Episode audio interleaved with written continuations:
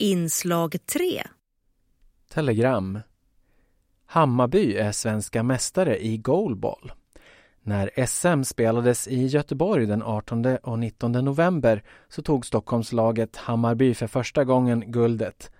Tre andra lag från Malmö, Göteborg och Umeå deltog i tävlingen. Finalen vann Hammarby Goalball mot FSBU Göteborg med sex mål mot fyra. Laget bestod av Alexander Smedberg, Lisa Ly, Magnus Mozart, Piotr Lavnicak och Rebecca Krebs. Coach Christian Bergström. Man spelar alltså i mixade lag nu men målsättningen är att ha både herr och dam-SM när det blivit fler kvinnor som spelar goalball. Klart vilka bussar som dras in i sommar. Nu har SL lämnat förslag på hur trafiken ska minskas för att anpassas till det minskade antalet resenärer efter pandemin. När sommartabellen börjar gälla i juni föreslås två innerstadsbussar läggas ner.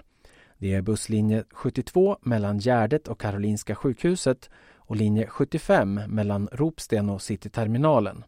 Samtidigt blir det glesare turer på ett antal linjer i Stockholms city och på Lidingö. Bland annat får alla de blå så kallade stombussarna med linje nummer 1 till och med 6 färre avgångar. Regionen meddelar att man samtidigt kommer öppna upp för att stiga på i alla dörrar på stombussarna som det redan idag fungerar på buss 4. Stipendium till författare och naturguide. Årets Erik Ljungberg-stipendium delas mellan Annika Tessler och Anders André. Annika Tessler är författare, tidigare dressyrryttare som nu skrivit böcker om sitt liv som förlamad och vars senaste bok Krymplingskortet kom ut i år.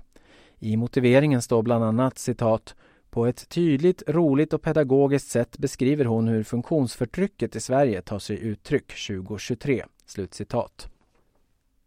Den andra pristagaren Anders André är naturguide och tillgänglighetskonsult han ordnar bland annat en åtta dygns vandring längs Vasaloppsleden för personer med olika normbrytande funktionalitet.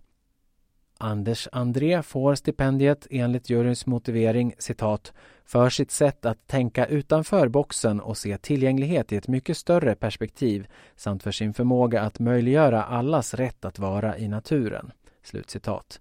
Erik Ljungberg-stipendiet delas ut av STIL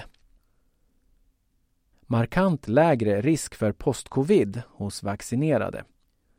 Trötthet, apati och svårigheter med minne och koncentration är symptom som kan drabba den som haft en covid-19 infektion. Det som kallas postcovid kan hålla i sig under lång tid och man forskar fortfarande för att förstå mer om sambanden.